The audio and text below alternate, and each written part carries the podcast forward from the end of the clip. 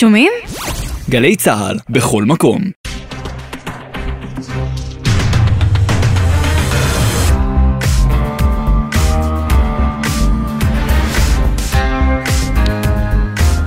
ערב טוב לכם, רצועת הביטחון של אה, יום אה, שני בשבוע. הערב אנחנו נקדיש פרק נרחב בתוכנית לנעשה ביהודה ושומרון, ננסה להבין לעומק את תופעת נוער הגבעות, שיש מי שמכנה אותה השבוע באופן אה, רשמי מיליציה חמושה. בעניין הזה אנחנו נשוחח עם גלעד שלמור, כתב ערוץ 12, ואת דביר קריב, לשעבר בכיר בחטיבה היהודית בשב"כ. נהיה גם עם תת-אלוף יוסי מצליח.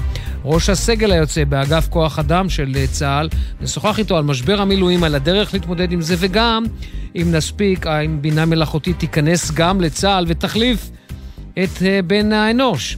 אה, יממה אחרי החלטת הקבינט לשורת הקלות אה, אה, לפלסטינים והוויכוח שהיה שם, אנחנו נשוחח עם שר המשפטים לשעבר, דן מרידור, על עבודת הקבינט כיום ואיך היא צריכה להיות. ושימו לב, גם ברבי תהיה ברצועת הביטחון הערב. מיכל יערי תספר לנו איך הסרט הזה מתקבל, או לא, בעולם הערבי. רצועת הביטחון, אנחנו מתחילים.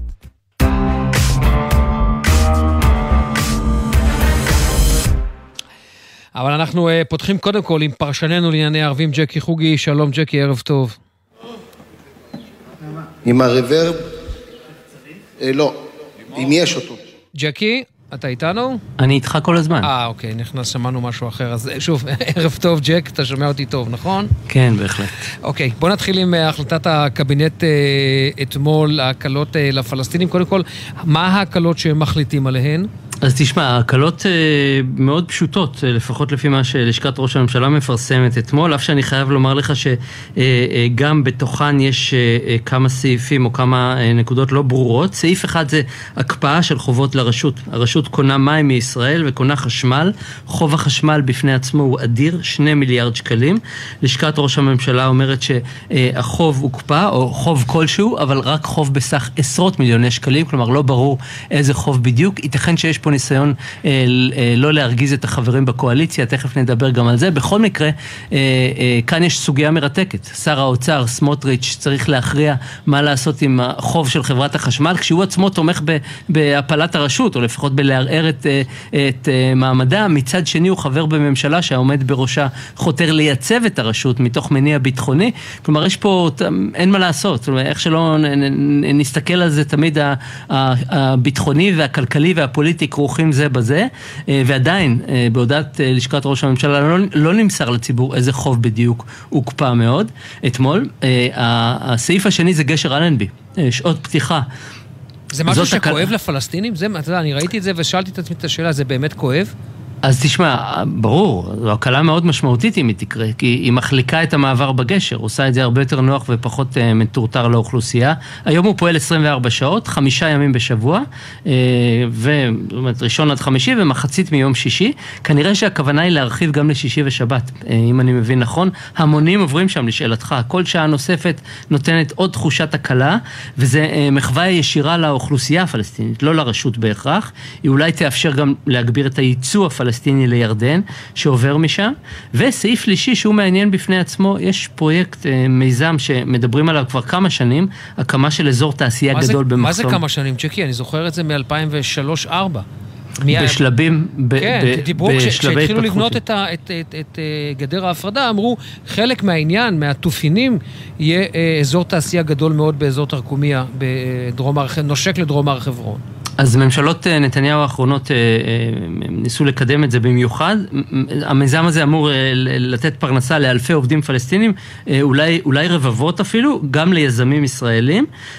פעם קראו להם מיזמים כאלה פרויקט של שלום, מאז הכל תקוע, אין פרויקטים ו, ולא כל כך שלום. הסיפור הזה, כמו שאתה תיקנת אותי הרבה שנים על השולחן, ממנו אמור לצאת מסדרון מסחרי לנמל אשדוד, חברון תוכל לייצא בדרך הים.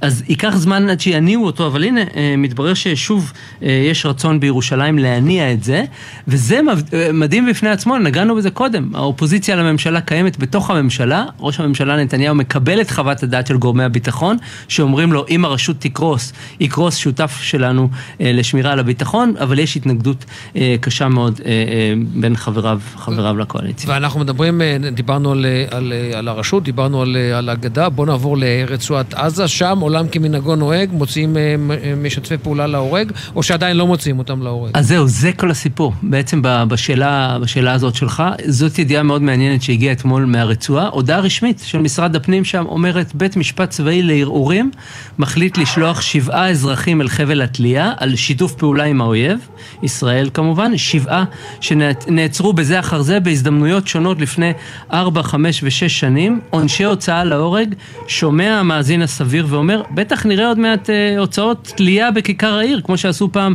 משטרים בעולם הערבי, אבל זה, אה, לשאלתך, לא יקרה. אני כבר מרגיע אותך, חמאס לא באמת רוצים אה, להוציא אותם להורג.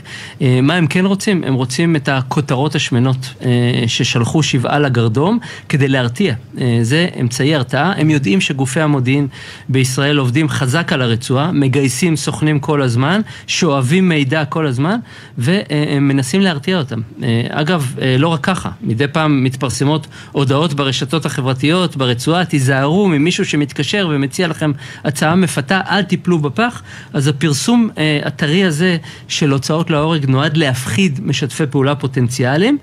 והחוק הפלסטיני אומר שהנשיא, כלומר אבו מאזן, צריך לחתום על גזר דין מוות, והנה, הפלא ופלא, בעניין הזה חמאס מצייתים לחוק של הרשות, לא עושים דין לעצמם, כי נוח להם לציית במקרה הזה. והם אומרים, אפילו בהודעה הרשמית אתמול, גזר הדין טעון אישור של הראיס, הוא לא יחתום, ברור לכל שהוא לא יחתום, אבל הם נתלים בזה כדי לא להוציא לפועל את העונש.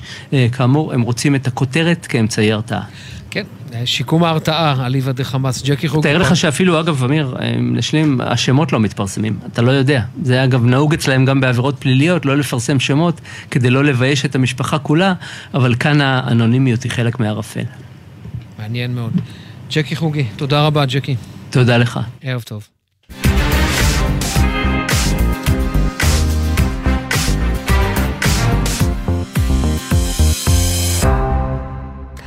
ואנחנו פתחנו בענייני הקבינט, ואת האורח הראשון שלנו אנחנו אה, מיד נציג, אה, דן מרידור, לשעבר שר המשפטים, לשעבר גם חבר הקבינט המדיני-ביטחוני. אה, ערב טוב לך, מר מרידור. טוב. אז אנחנו מדברים על הקבינט, אני לא יודע אם הצלחת לשמוע ככה את השיחה עם ג'קי על, לא, ההחל... לא שמעתי, לא שמעתי. על ההחלטות הקבינט אתמול, ולמעשה אנחנו, אנחנו רואים כינוס קבינט, אנחנו רואים אה, שראש הממשלה מביא משהו ל, אה, לשולחן הדיונים, לא, מתב, לא, אה, לא מתבצעת הצבעה כי מבינים שיכול להיות שהיא לא תעבור, אבל בכל זאת ההחלטה מקוימת. זה הליך שאתה מכיר מהקבינטים שאתה ישבת בהם? תלוי בסוג ההחלטה. יש החלטות שמטבען, או על פי חוק, יושבות החלטת ממשלה או ועדת שרים לביטחון שדינה כדין ממשלה. יש החלטות שהן בסמכות אה, שרים שהממשלה או הקבינט הסמיך, נגיד ראש ממשלה ושר ביטחון, או ראש ממשלה ושר ביטחון ושר חוץ, ויש אה, עניינים שהם בסמכות השרים, שר ביטחון בסמכותו, ראש ממשלה, כל אחד בשטחו. דברים בעלי משמעות בדרך כלל עוברים לדיון בקבינט והחלטה, כי זה תפקיד הקבינט. מה היה אתמול, אני שומע מהעיתונות, אבל הקבינט הזה הוא קבינט אה, יוצא דופן, אין ספק. כולל שרים שלא מכנסים את הקבינט כדי שהם לא יהיו שותפים, שני השרים האלה. זה קבינט מוזר כזה. כשאתה, אבל אם אנחנו מדברים, בואו רגע נבודד רגע את הקבינט הזה, שיש שם אה, קבינט של, אה, כמו שאמרת, שרים שצריכים לקבל שיעורים פרטיים באסטרטגיה, ולאו דווקא, אה, חלקם, לפחות ממה שאני מבין, לאו דווקא בקיאים בפרטים, אבל בהנחה שאנחנו מסתכלים על עבודת קבינט כמו שהיא צריכה להיות, קבינט הוא למעשה חותמת גומי, או שבאמת מועלו, יש, יש שם אה, דיון שיכול לצורך העניין גם לכפות על ראש ממשלה החלטה שהוא לא רוצה. החלטה שהוא לא רוצה בדרך כלל לא תהיה כי לא יביא אותה להצבעה, אבל הוא יימנע מלהביא אותה בדרך הזאת אה, מונעים ממנו מה שהוא רוצה, היו דברים מעולם. אבל אה, אני אכנס לעומק של השאלה שלך, יותר רצינית. זה עניין מאוד רציני.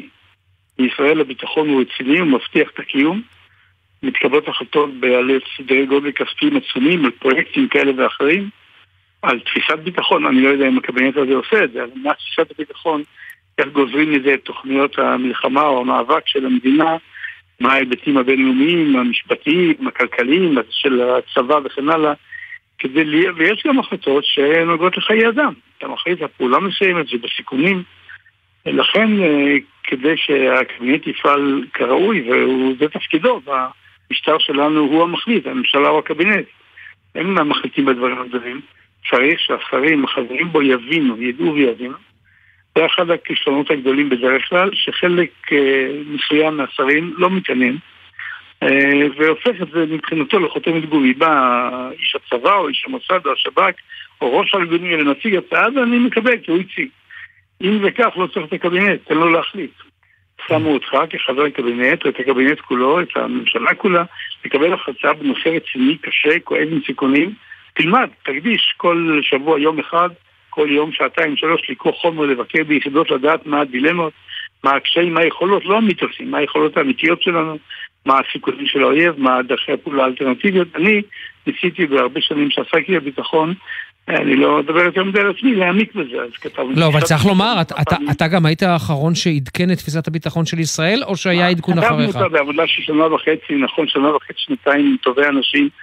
עסקתי בזה ברצינות, כי העניין הוא רציני.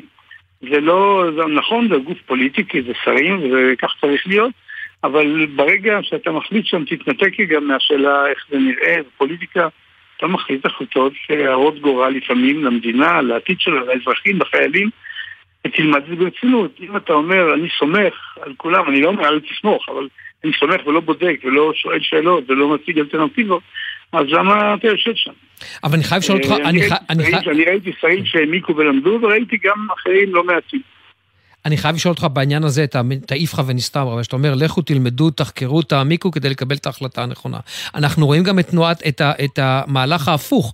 כמו למשל, ראינו את, אה, את השר בנט במהלך צוק איתן, הולך ונפגש מתחת לאפו של הרמטכ"ל עם מח"ט גבעתי, מקבל ממנו סקירה על המנהרות וחוזר לקבינט ואומר, חברים, אתם כולכם, לצורך העניין, אתם אה, אה, אה, לא דנים בכלל בעניין הנכון. ואני זוכר את התגובה הנזעמת של שר הביטחון אז, בוגי יעלון, שאומר לו, מה פתאום אתה הולך ונפגש עם קצינים בלי אישור של שר הביטחון ורמטכ"ל? כלומר, יש לזה גם תנועת מטוטלת הצד השני. לא, הדרך הנכונה היא שאתה, אני אומר לעצמי, מעולם לא להיפגש, תמיד עשיתי את זה באישור. אף פעם לא היה שביקשתי אישור בנושאים הרגישים ביותר, החשאיים ביותר, שאמרו לי לא מדוע, כי ידעו שאף פעם לא דע שום דבר. אם אנחנו יודעים מה בנט הציע, אז כנראה מישהו הדליף את זה. ואם אתה נפגש כדי להדליף, אני לא אומר שהיה, אני לא רוצה להיכנס לזה, ואתה אני אומר, יש לי ידיעות מזה וזה וזה מגיע לעיתון, אז באמת אה, זה כישלון גדול. העניין הוא רציני, אם משתמשים בקבינט כדי לעשות פרסומת ביחסי ציבור, להראות כמה אני גדול ומבין, אז זה נורא, כי בזה דנים, ואמרתי, דנים בנושאים הרי גורל לפעמים. ולכן צריך uh, לעשות את זה באישור, ונפגשתי כל uh, עשרות שנים עם אנשי ועדה לאנרגיה אטומית, מוסד, שב"כ, אמ"ן, uh, צבא, יחידות שונות, חייבים, מה שאתה רוצה, כמעט לא היה מקום שלא הייתי בו. אף אחד לא חשב שמשהו ידלוף החוצה, לכן היו מוכנים לדבר, והעליתי לא פעם שאלות, אבל אני, לא, אני מדבר על עצמי, כי אתם שואלים אותי, אבל לא רק אני, יש עוד שרים לא רבים שעשו כך, שהבינו את גודל העניין, את כובד המשקל של ההחלטה, והבינו שצריך ללמוד, אי אפשר בלי ללמוד, אי אפשר לדעת. בעיקר, הם מסוגלים שני סוגים, אלה שלא יודעים כלום, יודעים סיסמאות, ואלה שידעו מה שהיה ולא למדו שהעולם השתנה בינתיים. מבחינת הסיכונים והסיכויים, ההחלטות אה, שעומדות להתקבל אינן תמיד תוצאה של ניסיון, לפעמים דווקא העולם מחדש מציע לך פתרונות אחרים, לא נניח, לא בכדור הרובה, אלא בסיידר למשל. צריך ללמוד את זה, להבין מה, מה הפתרונות האפשריים. ובסוף האחריות היא עליך. אין אצלנו משטר נשיאותי, זה לא אחריות של ראש הממשלה. זה אחריות של הממשלה, היא, הרשות המבצעת. וגופים שהיא מקימה, כמו הקבינט, כמו ועדת שרים מסוימת, לפעמים ראש הממשלה עצמו, או, שר הביטחון בסמכויות קונקרטיות שלהם. בסוף האנשים האלה נבחרו על ידי הציבור דרך הכנסת כדי לטפל בבעיות הביטחון, או כלכלה, או חינוך, או משפטים, אבל אנחנו מדברים עכשיו על ביטחון. אצלנו הביטחון הוא מאוד משמעותי, גם מבחינת גודל הנתח בתקציב שהוא לוקח יחסית לאחרים, כי הביטחון הוא חשוב לנו, גם מבחינת המשמעות של הקיום שלנו, להרתעה הישראלית, למעמד הישראלי באזור. זה לא ייעשה לבד, אז אני לא, לפעמים הצבא והגופים האחרים עושים עבודה טובה גם בלי פיקוח, אבל זה לא דמוקרטיה וזה לא שיטה נכונה. דווקא המבט של הנבחרים, שרים, אה, חברי כנסת בוועדת חוץ וביטחון, הוא חשוב, צריך שימלאו את תפקידם ברצינות, ככל האשר בלי פוליטיקה קטנה. יש כאלה שעושים את זה, אני לא מכיר את הממשלה הנוכחית. כן, אנחנו... אני חושב שבה ראש הממשלה לא מכנס בעיקר את הקבינט, כי הוא מפחד מהדלפות או מוויכוחים ועימותים, כי הוא הכניס שם אנשים שלא רואים להיות לא בממשלה, לא בקבינט ולא בכנסת. אה, גזענים למיניהם, אבל אה, זה בעיה מיוחדת של הממשלה המוזרה הזאת. אני אשאל אותך ממש לסיום, אה, האם יש כאן פתרון ביניים, ואנחנו רואים פתרון ביניים כזה לאורך השנים, מגולדה דרך נתניהו בכל הקדנציות שלו כמעט, עניין המטבחון. כלומר, אתה, יש את הכינוס, אבל בסופו של דבר ההחלטות מתקבלות בפורום מצומצם יותר, שראש הממשלה יותר סומך עליו. זה דמוקרטי? לא, תראה, יש, אני בעצמי, דווקא בממשלת נתניהו האחרונה שהייתי ב-2009-2013, ארבע שנים או משהו שהייתי סגן ראש ממשלה ושר עניינים מודיעין, ועדה לאנרגיה אטומית, אז באמת ראש הממשלה כינס פורום מצומצם של שישה שרים, רק שבעה או שמונה, לדיון בנושאים שונים רציניים ביותר. זה הגיע לתשעה, אני חושב, נכון? זה הגיע לתשעה, עד ההתפטרות. אבל זה פורום לדיונים. ראש הממשלה רשאי, הוא, בכל זאת, הוא אומנם שר, אבל הוא השר הבכיר, הוא ראש הממשלה. אז הוא רשאי לכנס דיונים לגבש עמדה לעצמו, להבין לאן הרוח נושבת, לנסות לשכנע חברים, אבל זה לא בא בשום אופן במקום החלטה של גוף מוסמך. השישייה, השביעייה, השמינייה שהיינו, שהיו בה עשרות, אולי יותר, דיונים שעות רבות בנושאים מאוד רציניים, והיה דיון בסך הכל גוף רציני, לא החליטה שום החלטות, ושאין לה סמכות להחליט. לו היו מחליטים על פעולה מסוימת, או כשיחליטו, אז הביאו את זה לגוף המוסמך, יכול להיות הממשלה, ועדת שרים לביטחון, הקבינט מה שנקרא, גופי התייעצות, כל שר וכל ראש ממשלה רשאי להקים לעצמו, ראוי שיקים, לשאול אנשים אם זה שרים או מומחים מהאקדמיה או מומחים מתוך המערכת הביטחון או אנשים אחרים, זה חשוב, תשמעו, הדברים האלה אינם ברורים מעליהם. האיש נבחר לא כי הוא הכי, לא איש זה או אחר בכלל. הפוליטיקאי נבחר כי הוא מייצג אידיאולוגיה מסוימת, עדה מסוימת, עם מסוים, מעמד מסוים, הוא לא תמיד מבין בנושא הקונקרטי. הוא מוכרח להיעזר במומחים וללמוד, ללמוד, לשבת וללמוד, לא להניח. שהכל ידוע או שלא חשוב מה אומרים. ככה אני ראיתי את התפקיד, ועד היום אני זוכר החלטות, אחת במיוחד, שבתוצאה ממנה מישהו איבד את חייו, ואני מרגיש עד היום שלא מספיק את הקו של עמדתי. אה, ואני מרגיש אחריות לזה. אם אתם לא רוצים שאני אדון בעומק, אל תביאו לי את זה. תחליטו לבד שהחוק יסמיך אתכם. החוק יסמיך את הגוף הגדול יותר, נניח ועדת שרים לביטחון, אז כל אחד, כן. כל חבר צריך לראות את עצמו, כאילו הוא לבדו מחליט, לכן הוא לבדו צריך להבין ולדעת. אחרת הפעולה היא פעולה לא טובה, לא מוסרית ולא עניינית. דן מרידור, לשעבר אה, שר המשפטים וחבר אה, הקבינט המדיני-ביטחוני, תודה רבה לך. תודה רבה גם לכם. ערב טוב.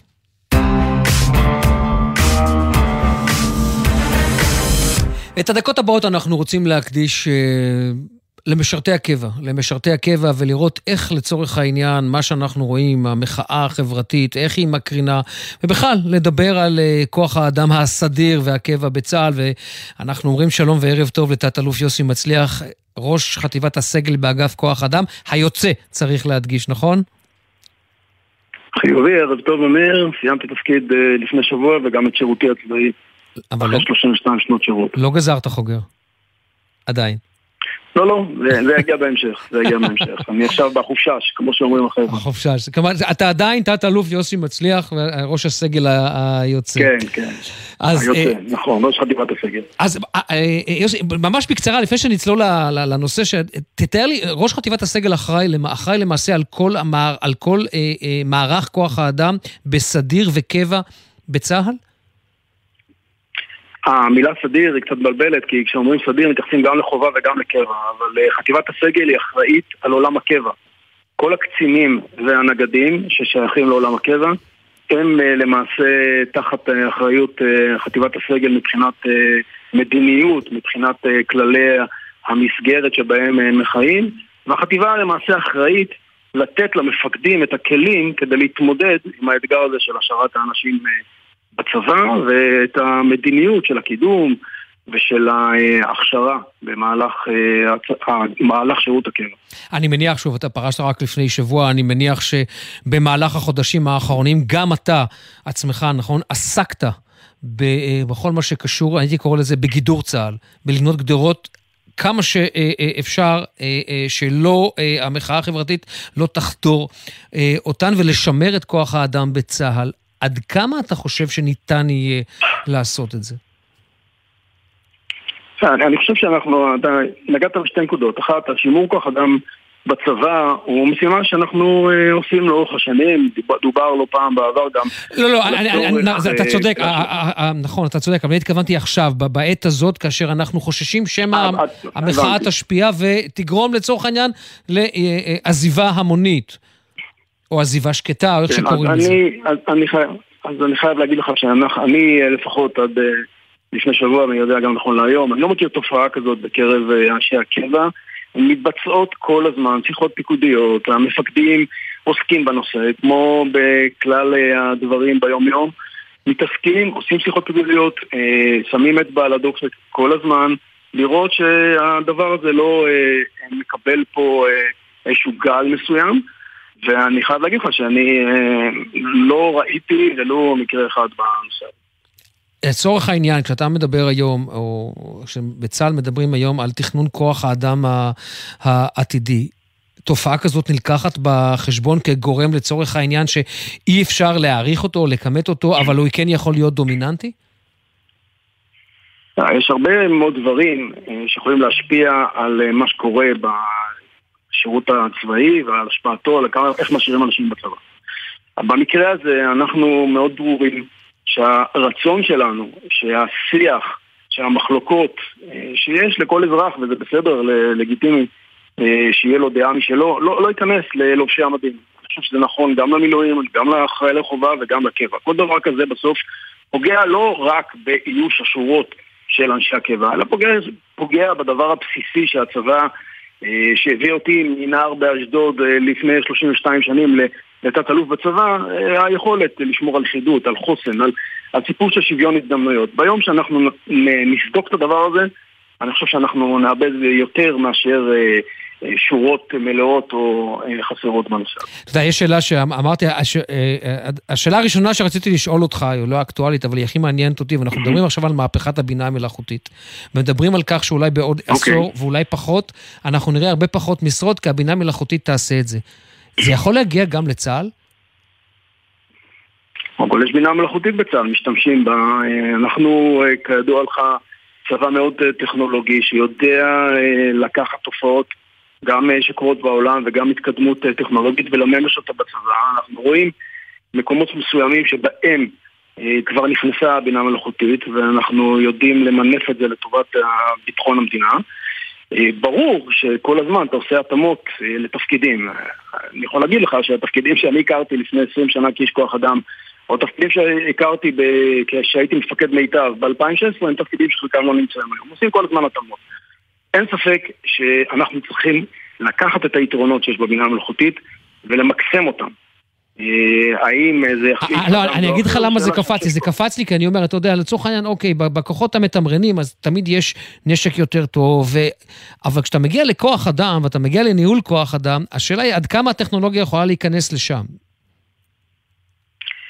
היא נכנסת, והיא נכנסת בהרבה מאוד מקומות, אנחנו משתמשים בה, ולוקחים אותה לטובת ניהול טוב יותר וביטחון טוב יותר. אה, אתה יכול לראות את ההתפתחות, אנחנו תמיד היינו צבא שהיה לו יתרון אה, טכנולוגי, אבל מה שבסוף בסוף באמת מחזיק את הצבא, ואני מניח שגם יעשו את זה בשנים הקרובות, ולא נראה לי שבינה טכנולוגית זו או אחרת תחליף, זה איכות האנשים שיש בה. ההון האנושי המדהים הזה, שמתחיל מהיכולת אה, לגייס בגיוס של מודל צבא העם את כלל האנשים ולראות את הגיוון והעושר הזה, מאפשר לנו לעשות דברים מדהימים ולמנף טכנולוגיה. אתה לא מודאג? לטובת ההצלחה. אתה לא מודאג תת-אלוף מצליח? לא. אתה, אתה לא מודאג מהעניין של לא, צבא העם, זה אולי אה, מושג מן העבר? אני חושב שהמילה צבא העם, ושוב, אני חוזר על החוויה האישית שלי, בסדר? לבן אה, שהגיע בן 18 מאשדוד, להורים שעלו מצפון אפריקה, שלא בדיוק עשו שירות אה, צבאי משמעותי. והשאירו אחריהם שני ילדים בצבא. רגע, אני עוצר אותך, פה אני עוצר אותך, פה אני עוצר אותך, כי אתה הקדמת את המאוחר, אז מי שלא יודע, תת-אלוף אה, אה. יוסי מצליח, ראש חטיבת הסגל באגף כוח אדם הפורש, היה מפקד מיטב, הוא סיים את הפיקוד על מיטב נכון. ב-2018 או 2019, ומי שכיום מפקד מיטב הוא אחיו, אלון מצליח, אלוף משנה אלון נכון. מצליח. אה, כן. אני במקום ההורים שלך הייתי מאוד גאה, אני חייב לומר. כן, כן אני מסכים איתך, על מחמאות לאלון אני מסכים. אני לגמרי, אני אמרתי, אני קורא לו יצאה משופרת, הוא עושה את זה, הוא תמיד עושה את זה טוב יותר. בכל מקרה, הוא לא החליף אותי, היה בינינו עוד נכון, אה, היית... נמרוד. אה, אני חושב, בסוף בסוף, אז אני חוזר למה לשאלה, על, על העניין הזה של מודל צבא העם, היכולת לתת הזדמנות שווה אה, לכולם, ולהעצים אוכלוסיות, ולעשות אותנו אזרחים טובים יותר, ולתת למדינה הזאת את מה שיש לה, אני חושב שהצבא מקפצה אדירה. אה, להמון אוכלוסיות, גם אה, חזקות וגם מוחלשות, עושה אותם אזרחים טובים יותר, נותן לנו כישורים, שומר את הלכידות ואת החוסן בעם הזה. אה, כל סדק שנכניס בו על ידי מחלוקת זו או אחרת, לטעמי ומהניסיון שלי במפגש המדהים הזה שהיה לי, בחוויה המעצבת המשמעותית שהייתה לי ב-32 שנים האחרונות, אני חושב שיגרום לנו נזקים שבעתיד יהיה לנו קשה מאוד. מה אתה עושה באזרחות כבר? אתה יודע ביום הראשון בלי חוגר דרום אמריקה? אני יודע. אני יודע, יש לי ניחוש, אתה והבן שלך שהשתחררתם יחד, הוא מסיירת צנחנים, נכון? השתחררתם? המודיעין עובד, המודיעין עובד, אה. כן, הבן שלי גם, אה, הבן השני שלי, יש לי בת אחת קצינה בחיל הים, סימולטורים, ובן שסיים עכשיו שירות משמעותי בסיירת צנחנים, שניהם באמת מהווים אה, גאווה עבורי. אז הוא השתחרר, ואנחנו בדיוק היום, זה תופס אותנו בדרך לחופשה משפחתית ראשונה מזה הרבה זמן, כל המשפחה. וכן, אחרי זה לארצות הברית חוזרים, ואז אה, כמו שכל חייל משתחרר, גם אני אגיע לדרום אמריקה. לבקר שם. לוקח, אה, לוקח מדריך, מדריך טיולים בשנטיני. תת-אלוף יוסי מצליח, ראש הסגל באגף כוח אדם היוצא, תודה רבה ובהצלחה בקריירה השנייה.